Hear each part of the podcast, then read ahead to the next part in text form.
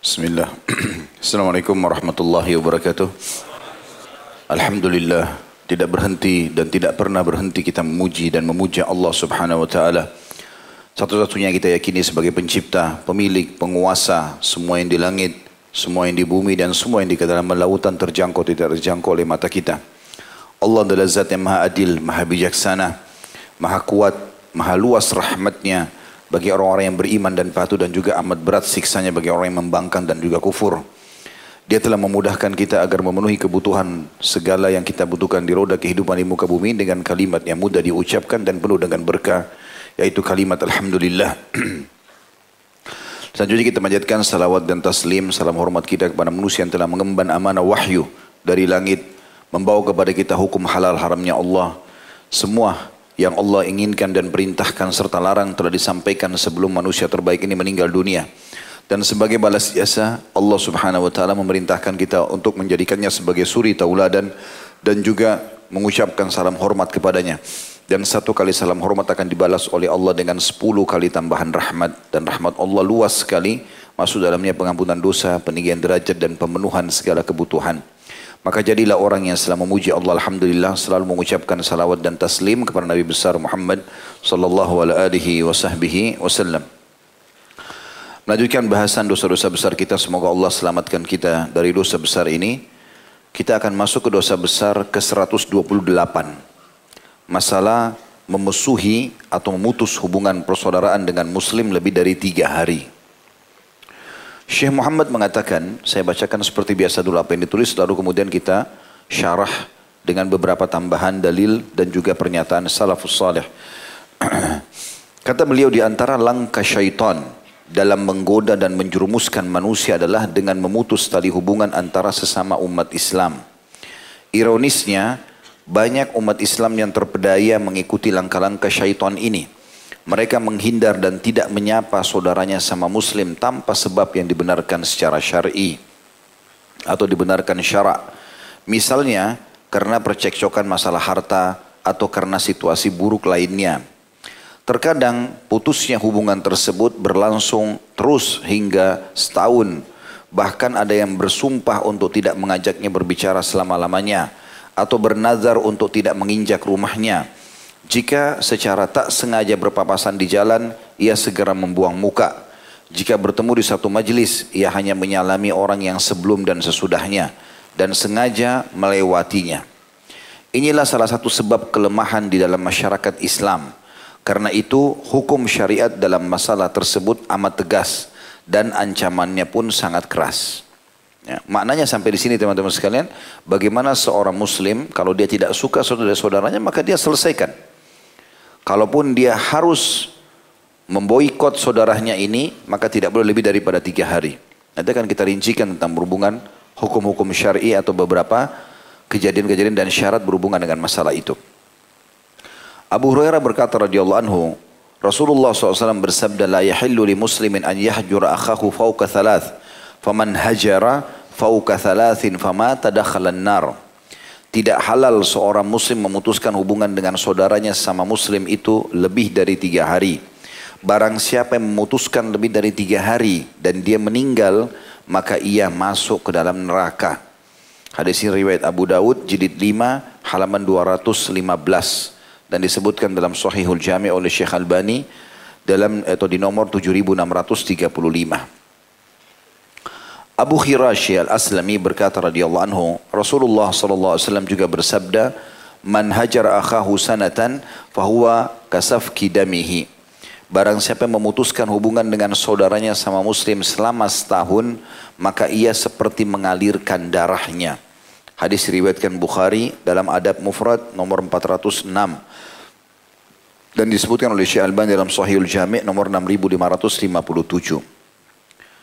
Kata beliau, untuk membuktikan betapa buruknya memutuskan hubungan antara sama muslim, cukuplah dengan mengetahui bahwasanya Allah menolak memberikan ampunan kepada mereka. Dalam hadis yang diriwayatkan Abu Hurairah radhiyallahu anhu, Rasulullah sallallahu alaihi wasallam bersabda, "Tu'radu a'malun nasi fi kulli jum'atin marratain, yaumal itsnaini wa yaumal khamis." Fayukfaru li kulli abdin mu'minin illa abdan bainahu wa baina akhihi syahna' Fayuqal utruku awil awir awirku hadaini hatta yafi'a. Semua amal manusia diperlihatkan kepada Allah pada setiap Jumat atau setiap pekan dua kali. Hari Senin dan hari Kamis. Maka setiap hamba yang beriman diampuni dosanya kecuali hamba yang antara dirinya dengan saudaranya ada permusuhan. Difirmankan kepada malaikat, tinggalkanlah atau tangguhkanlah pengampunan untuk dua orang ini sehingga keduanya kembali berdamai. Hadis riwayat Muslim jadi tempat halaman 1988. Jika salah seorang dari keduanya bertaubat kepada Allah, ia harus melanjutkan hubungan dengan kawannya dan kemudian memberi salam. Jika ia telah melakukannya tapi sang kawan menolak, maka ia telah lepas dari tanggungan dosa. Adapun kawannya menolak damai, maka dosa itu tetap ada padanya. Dari Abu Ayyub Al-Ansari radhiyallahu anhu bahwasanya Rasulullah SAW bersabda, "La yahillu li rajulin an yahjura akhahu fawqa thalathi layal." yaltaqiyani fayuridu hadha wa yuridu hadha wa khairuhum alladhi yabda'u bis salam. Tidak halal bagi seseorang laki-laki memutuskan hubungan saudaranya lebih dari memutuskan hubungan saudaranya lebih dari tiga malam. Saling berpapasan tapi yang ini membuang muka dan yang itu juga membuang muka. Yang terbaik di antara keduanya yaitu yang memulai salam.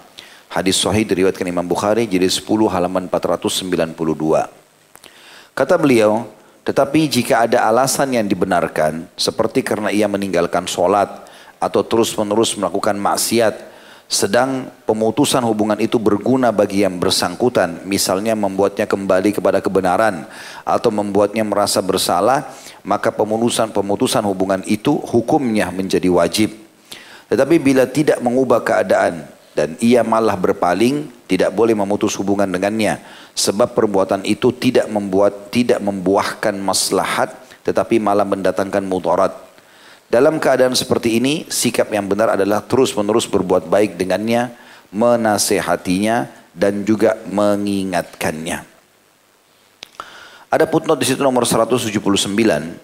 Seperti hajar atau pemutusan hubungan yang dilakukan oleh Nabi SAW kepada Ka'ab bin Malik dan dua kawannya. Karena beliau melihat dalam hajar tersebut terdapat maslahat. Sebaliknya, beliau menghentikan hajar kepada Abdullah bin Ubay bin Salul dan orang-orang munafik lainnya karena hajar kepada mereka tidak membawa faidah dan hajar artinya pemutusan hubungan. Ini kurang lebih yang digambarkan oleh Syekh Muhammad tentang dosa besar ke-128 kita. Maka kita coba lebih dalam membahas masalah ini. Saudaraku si iman. Di dalam Islam kita selalu disuruh menjadi orang yang baik. Dan orang yang baik adalah orang yang selalu mengikuti apa yang dianggap baik oleh Allah dan Rasulnya. Karena tolak ukur atau tolak ukur baik atau buruk itu adalah yang dipandang oleh Allah dan Rasulnya. Begitu orang beriman. Walaupun itu dianggap baik oleh setengah manusia atau seluruh manusia tapi Allah dan Rasulnya menganggap buruk, kita tetap anggap buruk. Perbuatan zina dihias seperti apa pun oleh orang-orang dengan kemasan bahasa hiburan lah segala macam masa muda bebas dan segala macam tetap kita anggap buruk karena Allah dan Rasulnya menganggap buruk. Ya.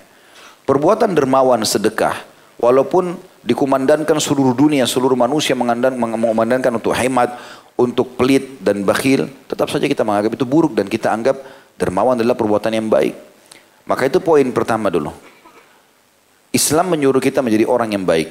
Dan di antara orang yang baik adalah tidak membalas keburukan dengan keburukan. Tidak mengikuti kebodohan orang lain dengan kebodohan. Ustaz ada orang yang menggibah saya. Jangan ikut gibah. Kalau dia gibah, dia dihukum sama Allah. Tidak ada dosa yang tidak ada hukumannya. Dan kalau kita ikut menggibah, kita juga akan dihukum. Kita, kita difitnah seseorang, lalu kita fitnah juga dia, dia dihukum, kita dihukum. Apakah hanya sekedar untuk untuk untuk balas dendam? Itu bukan sifat kebijaksanaan. Orang yang cerdas, orang yang pintar, orang yang bijaksana tidak akan balas keburukan dengan keburukan. Biarkan saja orang dengan keburukannya, tapi kita jangan ikut-ikutan. Masa kalau ada orang mencuri rumah kita, kita caranya membalas dengan mencuri juga di rumahnya? Kan tidak mungkin. Contoh saja, atau ada orang mencuri sendal kita, kita balas dengan curi sendal juga, kan tidak mungkin. Maka ini poin penting dulu. Kaidah sederhana, tapi kalau diterapkan kita akan bahagia. Semua keburukan yang terjadi pada lingkungan kita, orang-orang di depan kita, bukan contoh, tetapi pelajaran untuk dijauhi. Jangan dicontohi. Karena banyak orang begitu dicontohi keburukan. Kalau ada satu keburukan dikemas dengan bagus, dibuat bahan tertawaan, maka dia jadikan sebagai bahan contoh. Ini keliru. Tidak boleh sama sekali seperti itu. Ya. Ini dulu dalam pembukaan kita, dalam syarahnya ini ya.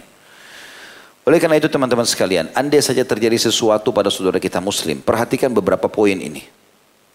Kalau yang terjadi pada dia itu berhubungan dengan masalah dia pribadi. Misal, dia nggak sholat. Dia rusak sendiri. Kita ketemu orang nggak sholat. Kita ketemu orang tidak tutup aurat. Kita ketemu orang apalah, pelanggaran agama. Maka kita masih punya tugas dalam agama untuk meluruskan dan menasehati. Sebagaimana sabda Nabi SAW yang masyhur. Ini poin pertamanya ya. Yang kata Nabi SAW, Man ra'a minkum mungkaran fal yugayyirhu biyadih. Siapa yang lihat kemungkaran dia harus ubah dengan tangannya. Powernya, kekuatannya. Kalau dia punya jabatan, misalnya dia atasan, dia lihat bawahannya ini tidak tutup aurat, tidak sholat, nah dia tegaskan. Dia ancam akan dipecat misalnya dari pekerjaannya. Fa'illam yastati fabilisani. Kalau tidak mampu, dia haruskan di fal yughayyir biyadi, kalau fa'illam yastati fabilisani. Kalau dia tidak mampu dengan tangannya baru pindah ke lisannya, nasihat. Fa'ilam yastati fa biqalbi. Kalau tidak mampu maka dia dengan hatinya wadhalika adhaful iman. Itu selemah-lemah iman. Ini kalau permasalahan itu sedang ada dari diri orang itu sendiri. Sekarang kita pindah ke masalah kalau seandainya dia punya masalah dengan orang lain, bukan sama kita. Masih sama orang lain. Maka ada namanya islah dzatubayyin. Memperbaiki dua orang yang sedang ribut. Dan di poin ini ada celah boleh berbohong. Yang kata Nabi SAW, dibolehkan berbohong itu di tiga hal. Maksudnya di sini bukan disuruh orang berbohong tidak. Tapi kalau terjadi ini, itu masih ada celah dibolehkan mengucapkan. Tapi ulama merincikan. Yang pertama, apabila menghadapi musuh. Kalau kita tertawan oleh musuh, kemudian ditanya berapa jumlah pasukan Islam. Misalnya ada lima ribu, kita bilang lima puluh ribu misalnya. Untuk menakuti musuh itu berbeda. Celah itu. Celah yang kedua adalah pujian suami istri pujian. Kalau suami antum di sini puji istri, masya Allah, tidak ada wanita tercantik dunia melebihi kamu. Padahal banyak sekali.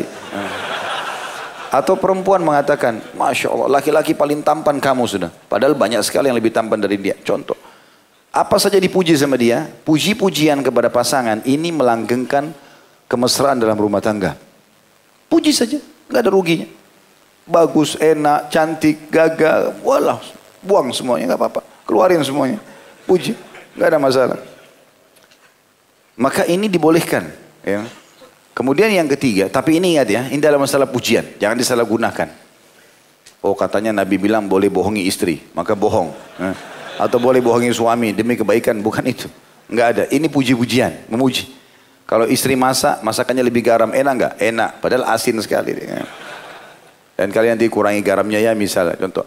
Nah yang ketiga ini islah zatu bayin, memperbaiki hubungan orang yang retak. Jadi kalau ada orang sudah sangat retak, sudah jauh hubungan di antara mereka sudah nggak bisa diperbaiki, kita menengahi di sini kita bisa menggunakan bahasa-bahasa, tapi bahasa ini sebenarnya bukan terang-terangan kebohongan tidak. Misal dia mengatakan si A sama si B bertengkar, si A lebih tua, si B lebih muda. Lalu dia mengatakan kepada si A, atau dia mengatakan kepada si B, sebenarnya si A itu merasa bersalah. Tapi karena dia lebih tua nggak mungkin dia mulai. Lalu dia datang kepada si B, dia mengatakan sebenarnya si A, eh, atau dia bilang kepada si A, si B itu sebenarnya juga sudah merasa bersalah. Tapi dia karena lebih muda, dia tidak tahu harus mulai seperti apa. Sehingga berdua kedua ini kalau ketemu bisa saling memaafkan. Dan kita meniat baik untuk memperbaiki mereka. Sebatas itu. Jangan dikembangkan ke mana-mana. Ya. Maka ini demi untuk memperbaiki hubungan orang yang sudah retak. Gitu kan. Termasuk misalnya kalau suami istri lagi bertengkar dan sudah mau cerai, lalu kita menengahi, kita memperbaikinya. Menurut saya, suami kamu itu orang yang sangat baik sekali. Padahal mungkin menurut kita tidak seperti itu. Atau setahu saya istri kamu itu sudah istri yang ideal buat seorang muslim. Mungkin tidak. Mungkin masih ada kekurangannya. Tapi kita bahasakan supaya mereka menjadikan sebagai bahan muhasabah dan mereka baik. Nah ini keadaannya. Keadaan yang lain adalah kalau terjadi masalah antara dia sama kita. Ini yang kita bahas malam ini. Kalau ada masalah sendiri pada dirinya, atau ada masalah sama orang lain, sudah kita jelaskan, dan sekarang ada masalah sama diri kita. Bagaimana kita menghadapi orang yang punya konflik dengan kita? Di sini teman-teman ada solusi yang paling sederhana. Andesanya kita punya masalah dengan seseorang, maka kalau saya pribadi, saya gunakan cara, saya coba membayangkan kalau saya di posisi dia.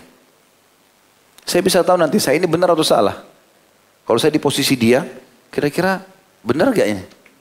Dari situ kita bisa mengisipkan, oh dia salah ini, oh dia benar. Tapi kita keluar benar-benar dari diri kita, kita seperti bukan sedang menghadapi masalah itu. Atau kita sedang lihat masalah itu dari jarak jauh. Kalau dia salah, tugas kita menasihati, ya, meluruskan, mendoakan. Kemudian juga kita boleh memboikot dia, tapi ada dalam keadaan, dua keadaan saja. Keadaan pertama, kalau itu pelanggaran-pelanggaran agama, Ya, kalau itu adalah pelanggaran yang merupakan hubungan di antara kita, maksimal tiga hari tadi yang disebutkan dalam hadis.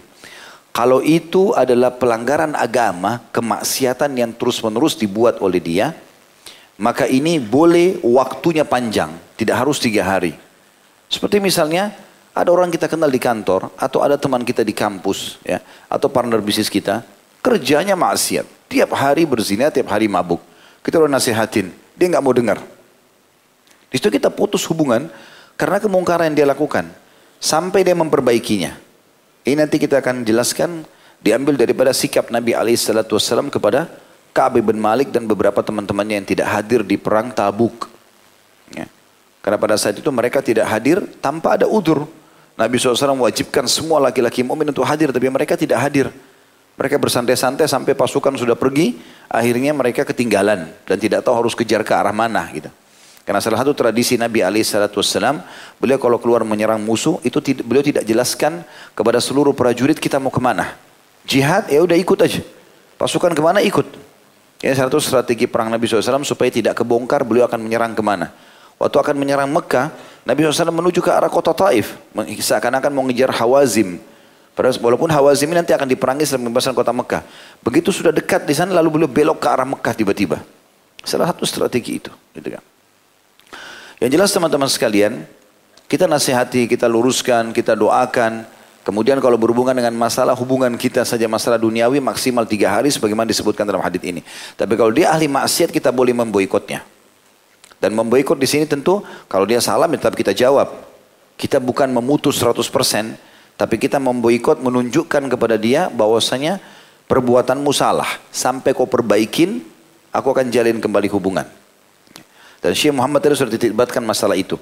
Kalau seandainya berhubungan dengan eh, orang-orang uh, yang kita boykot ini tidak bermanfaat bagi dia, seperti orang munafik. Gak ada gunanya kita boykot tidak boykot tidak ada urusan sama dia. Gak ada berhubungan dan segala macam ya sudah.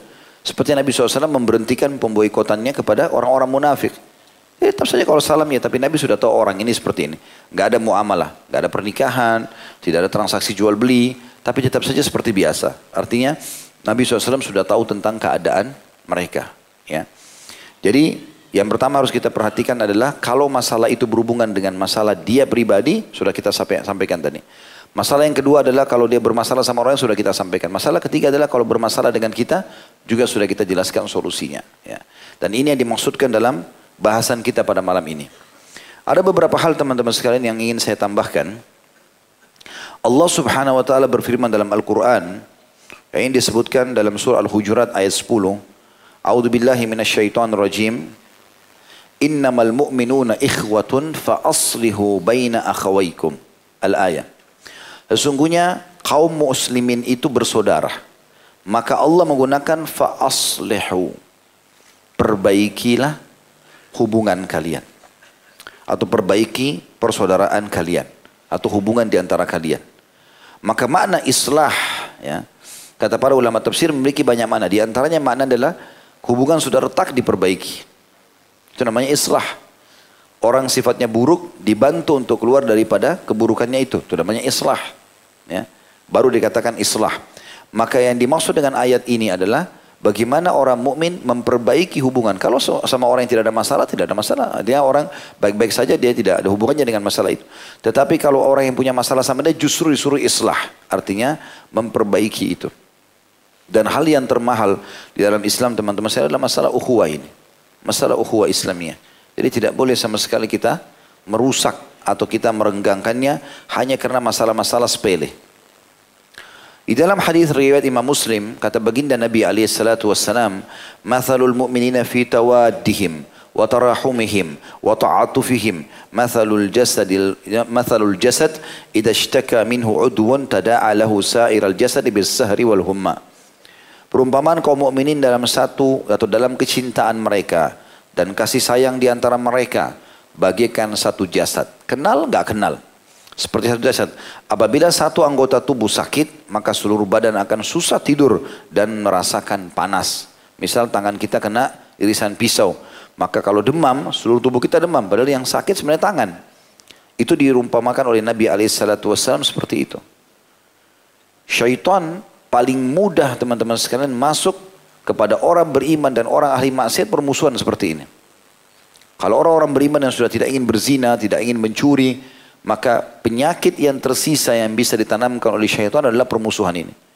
Makanya kita temukan penyakit yang terjadi kepada para pendeta sebelum Islam, Allah menyebutkan itu bagian bainahum.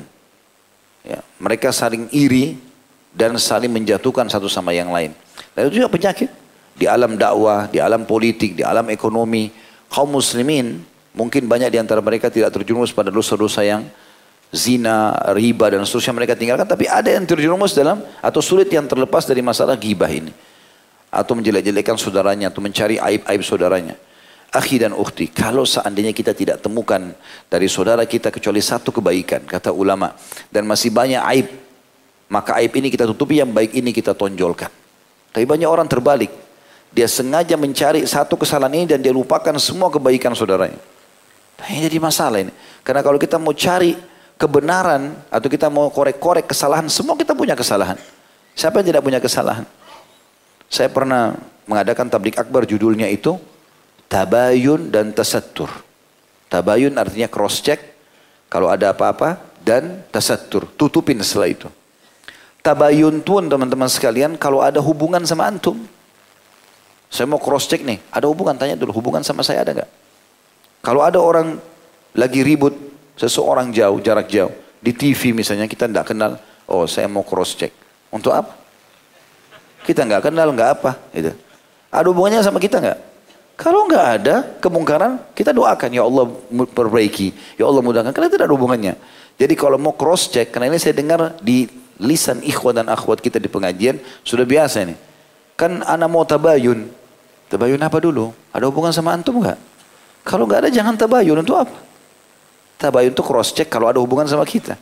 Setelah itu pun kalau kita sudah cross check, ternyata sudah ada data-datanya, kita luruskan kalau dia salah, kita minta maaf kalau kita yang salah kemudian tasatur, tutupin itu. Karena Nabi SAW mengatakan man satara musliman fi dunia satarahullahu satarahullahu yaumal qiyamah.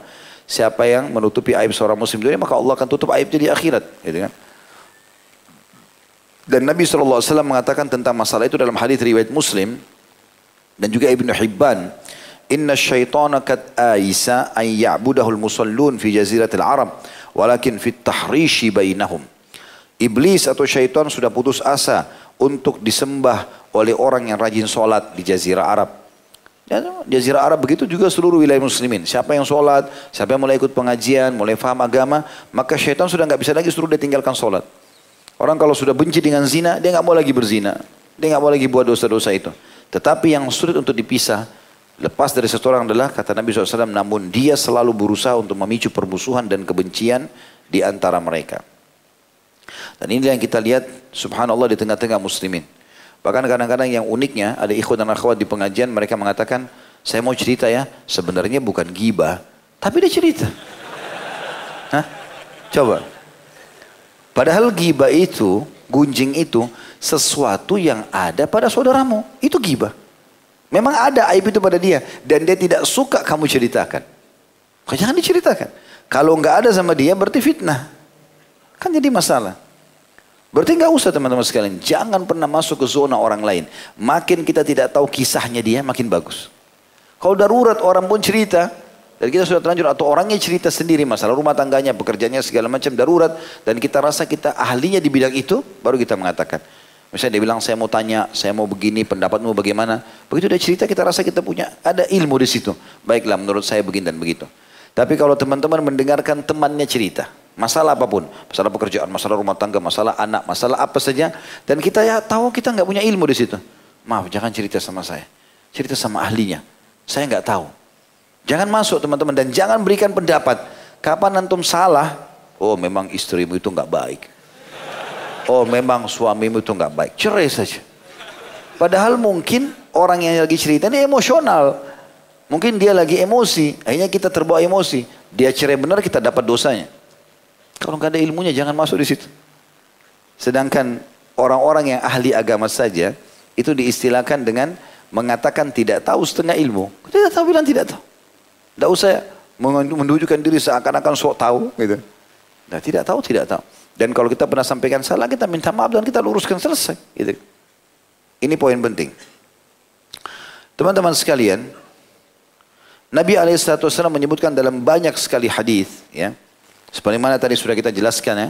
Di antaranya tadi hadis tidak halal bagi seorang muslim. Mana tidak halal berarti hukumnya haram. Dan di sini sebabnya kenapa jadi dosa besar untuk memboikot saudaranya muslim atau tidak menyapa saudaranya lebih dari tiga hari. Kata ulama ini kalau berhubungan dengan masalah urusan dunia. Kalau berhubungan dengan masalah urusan akhirat, urusan agama, dalam maslahat misalnya tadi saya sudah jelaskan dia melakukan maksiat sudah kita nasihatin dia nggak mau dengar itu berbeda. Akan kita jelaskan nanti pendapat ulama berhubungan dengan masalah itu. Ada tiga ancaman yang berbahaya sekali kalau kita memusuhi saudara kita muslim. Kadang-kadang orang subhanallah tersinggung hanya karena teman-temannya telah e, datang, lupa janjinya. Hal-hal yang sepele masih bisa ditoleransi. Kemudian dia memboikot saudaranya lebih daripada masalah atau lebih dari tiga hari. Ini yang kena dalam ancaman.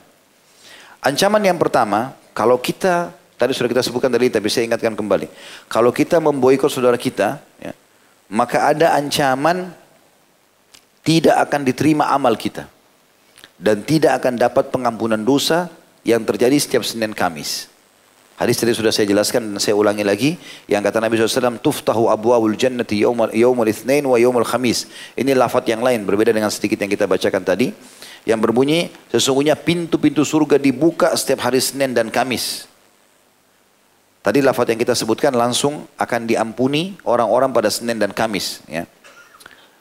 Fayughfaru likulli abdin la yusyriku billahi syai'a. Maka pada saat itu di Senin dan Kamis akan diampuni semua hamba Allah yang beriman yang tidak menyekutukan Allah dengan sesuatu apa pun. Illa rajulan kanat bainu baina akhihi sya'na syahna. Kecuali seseorang yang ada permusuhan dengan saudaranya. Fayuqal maka akan dikatakan kepada para malaikat anziru hadaini hatta yastaliha anziru hadaini hatta yastaliha anziru hadaini hatta yastaliha. Tundalah penerimaan amal baiknya kedua orang ini sampai keduanya baikan atau berdamai. Tundalah penerimaan amal baik dan pengampunan dosa kedua orang ini sampai mereka berdamai. Tundalah penerimaan amal soleh kedua orang ini dan pengampunan sampai mereka berdua baikan. Diriwayatkan Imam Ahmad, maaf diriwayatkan ya Imam Ahmad dalam musnadnya dan juga Imam Malik dalam kitab Muwatta dan Imam Muslim juga menyebutkan dalam sahihnya. Jadi kalau ada orang musuh kita jangan kita ikut-ikutan musuh. Karena nanti kalau Senin Kamis amal dilaporkan ke langit, maka tidak diterima amal kita dan juga kalau ada pengampunan dosa kita tidak diampuni. Tadi sudah dijelaskan oleh Syekh Muhammad, andai saja ada orang yang sengaja memusuhi kita, yaitu dia.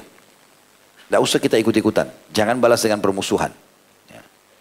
Yang kedua ancaman neraka jika belum damai sampai mati. Sebagaimana hadis Nabi SAW tadi sudah kita sebutkan, la yahillu li muslimin an yahjura akhahu fawqa thalath, faman hajara thalathin famata dakhalan nar. Tidak halal bagi seorang muslim untuk memboikot saudaranya lebih dari tiga hari. Siapa yang memboikot saudaranya lebih dari tiga hari kemudian dia meninggal maka dia masuk neraka. Hadis ini riwayat Abu Daud disoikan oleh Albani. Kemudian juga dalam hadis yang lain kata Nabi SAW man hajar akhu kasaf kidamihi siapa yang memboikot saudaranya sampai setahun kalau lebih dari tiga hari atau ini istilah setahun artinya sampai bertahun-tahun atau sekian lama maka dosanya sama dengan dia menumpahkan darah saudaranya. Hadis sahih riwayat Ahmad dan juga Abu Daud. Ya. Jadi yang pertama tadi itu adalah masalah tidak akan diterima amal dan diampuni dosanya. Yang kedua adalah dia e, akan diancam masuk neraka dan yang ketiga dia seperti menumpahkan darahnya kalau sampai setahun. Jadi tiga keadaan tersebut. Tapi ulama mengatakan kalau seandainya ada orang memboikot seorang muslim dalam rangka memberikan nasihat kepadanya karena dia teman dekat, sahabatnya, pasangan hidupnya, maka dia melihat kalau dia boikot, dia diam, dia tunjukkan dia marah, maka ada perubahan terjadi pada temannya, maka itu dibolehkan dalam bentuk dakwah. Karena Rasulullah SAW pernah memboikot tiga sahabatnya. Yaitu Ka'ab bin Malik, Hilal bin Umayyah dan juga Marara bin Rabi radhiyallahu anhu Ini karena ketiganya tidak menghadiri perang, tadi saya bilang tabuk. Sampai Allah subhanahu wa ta'ala menurunkan firmannya dalam surah At-Taubah ayat 118. Kurang lebih 50 hari sekian diboikot oleh Nabi SAW. Sampai kata Ka'ab bin Malik, Waktu saya mendatangi masjid, maka saya melihat Rasulullah SAW, ya melihat ke arahku. Kalau aku lihat ke arah beliau, beliau alihkan pandangan. Dan pada saat aku mengucapkan salam, tidak ada satupun di antara sahabat Nabi yang menjawab salamku. Aku cuma melihat mulut Nabi SAW seperti bergerak menjawab salam tapi tidak mengeluarkan suara. Sampai sudah sekian puluh hari, turun lagi atau perintah lain Nabi SAW suruh mereka meninggalkan istri mereka. Gak boleh kumpul sama istrinya. Sampai turun firman Allah SWT memaafkan mereka. Karena ini perang wajib, hadir. Ya Maka Ka'ab bin Malik sempat berkata, apakah aku harus menceraikannya? Maka kata utusan Nabi SAW, tidak. Perintahnya hanya kau berpisah. Disuruh pulang ke rumahnya saja.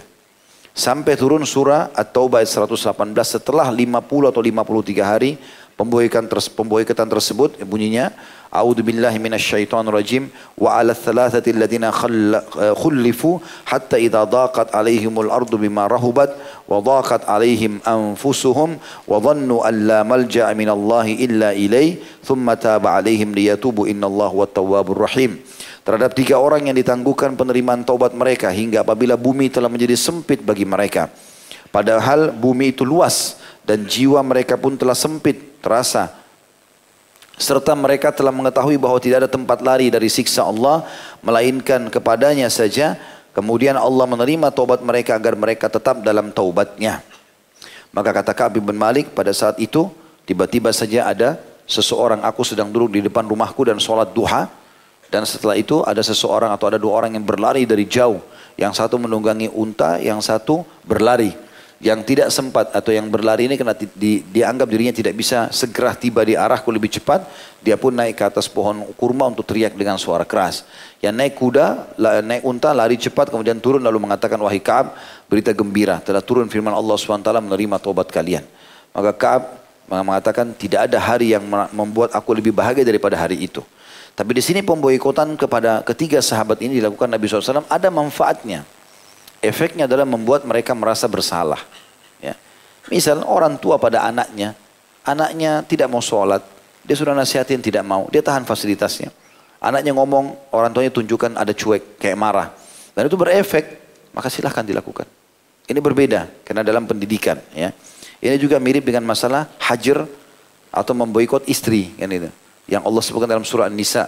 Kalau perempuan yang nusyud, maka boleh dinasihati dengan baik-baik. Kalau tidak mau maka dihajar, ya, diboikot, diranjang. Dan juga kalau tidak mau baru kemudian dipukul. Nah hajar sini masuk dalam mirip seperti ini. Hajar istri pun dianjurkan satu atau tiga hari ya. Kecuali berhubungan dengan, kalau hanya hubungan masalah teknis ya, kita kecewa karena biologisnya dia tidak layani atau apa saja, itu biasa. Tapi kalau sudah terjadi pelanggaran agama, boleh kita memboikotnya sampai sebulan. Sebagaimana Nabi SAW pernah memboikot ummahatul mu'minin sebulan. Karena mereka meminta naikkan nafkah, sementara nafkah sudah ditentukan oleh Allah melalui uh, uh, nafkah Nabi SAW ditentukan oleh Allah dan mereka memprotes masalah itu minta supaya dinaikkan. Maka Nabi SAW memboikot mereka selama satu bulan. Pas sudah 29 hari, Nabi SAW bersumpah tidak akan datang menggauli istri-istri beliau.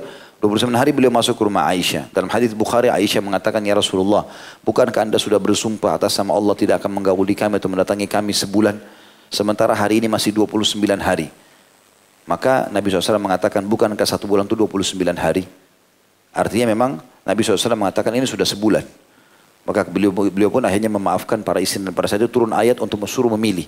Milih Nabi dan Allah dan Nabi Allah dan Rasulnya atau memilih dunia. Mau milih dunia silakan. Dikasih apa yang kalian minta dikasih. Mau harta mau segala macam. Milih Allah dan Rasulnya maka akan hidup seperti sekarang keadaannya tidak membantah hukum Allah. Dan akan diberikan pahala yang melimpah di dunia dan juga di akhirat. Berkata Waliuddin al-Iraqi, "Hada tahrim mahallu fi hijrani yansha'u min ghadab li amri jaizin la ta'alluq lahu bid-din." Larangan dalam hadis di atas berlaku untuk boikot yang muncul karena marah dalam masalah yang mubah. Jadi maksudnya tiga hari ini maksimal kalau cuma jengkel, kecewa, tak boleh lebih dari tiga hari. Ya. Tapi kalau berhubungan dengan masalah agama, fa'ammal hijranu li maslahati diniyah min maksiatin au bid'ah. Kalau ada orang melakukan perbuat kalau untuk masalah agama, maka jelas ahli itu orang maksiat, kita boikot supaya dia jauhi maksiatnya atau dia melakukan perbuatan-perbuatan bid'ah. Fala mani'ah minhu, maka ini tidak ada larangan di situ. Waqad amara Nabi sallallahu alaihi wasallam bi hujrani Ka'ab bin Malik wa Hilal bin Umayyah wa Murara atau Murara bin Rabi radhiyallahu anhum. Karena Nabi SAW telah memerintahkan untuk memboikot tiga orang sahabat, Ka'ab bin Malik, Hilal bin Umayyah, dan Murara bin Rabi. Dan ini tentu disepakati oleh para ulama bahwasanya ini dibolehkan. Tetapi kita lihat sekali lagi kalau ada maslahatnya. Kalau antum memboikot seseorang, ahli maksiat dari teman. Ternyata makin membuat dia jauh dari agama. Maka tidak ada gunanya. Tidak usah diboikot. Karena ini istilahnya kita memboikot karena mendidik. Kalau memang yang tadi kita katakan yang dibolehkan ya. Tapi kalau misalnya kita tidak ada gunanya. Seperti Nabi SAW pernah memboikot uh, pimpinan orang munafik. Ubaidillah bin Abi Salul. Ternyata makin jadi-jadi. Gitu. Orang-orang munafik makin diboikot, makin mereka sebarkan isu yang tidak benar. Tuh lihat Muhammad musuh kita, tuh lihat begini. Katanya orang beriman, katanya begini dan begitu. Makin besar fitnahnya. Maka Nabi SAW angkat boikot itu. Tetapi muamalah Nabi sudah tahu, oh orang ini munafik. Jadi tidak ada transaksi jual beli, tidak ada pernikahan di antara mereka. Ya sudah tetap aja kita anggap secara zahir dia muslim, tapi dia orang munafik. Seperti itulah yang diajarkan oleh Nabi alaihi salatu wassalam. Jadi teman-teman dengan bahasan kita dosa besar ke 128, maka buku ini sudah selesai. Ya. Karena buku ini sebenarnya banyak sekali bahasannya, tetapi umumnya sudah dibahas oleh Imam Az-Zahabi rahimahullah dalam buku beliau 76 dosa besar. Insya Allah ke depannya kita akan masuk ke buku yang lain, masih masalah dosa besar juga. Buku ini ya, ditulis oleh Syekh Muhammad bin Abdul Wahab, dosa-dosa besar. Ya, penerbitnya siapa pun tidak ada masalah. Yang penting untuk mencari bukunya Syekh Muhammad bin Abdul Wahab. ini cukup banyak dosa-dosa besar akan kita lanjutkan insya Allah. Dosa besar 129 dengan lanjutan buku ini. Dan insya Allah biidnillah tidak ada halangan. Kita akan masuk nanti pertemuan akan datang. Dosa besar ke 129 dimulai dengan masalah ujub. Atau merasa diri lebih daripada orang lain. Allah Alhamdulillah. Mudah-mudahan diambil manfaatnya. Mohon maaf mungkin saya isya sebentar selepas isya tidak lanjut lagi. Karena ada materi taklim lagi yang lainnya. Insya Allah kita ketemu lagi di Rabu akan datang. Dan saya sudah coba jawab beberapa pertanyaan tadi. Dan saya cuma ingatkan insya Allah Rabu depan kita akan pindah ke buku dosa-dosa besar yang Syekh Muhammad bin Abdul Wahab insya Allah. Itu saja. Subhanakallah bihamdika. Asyhadu an la ilaha illa anta wa atubu ilaik. Wassalamualaikum warahmatullahi wabarakatuh.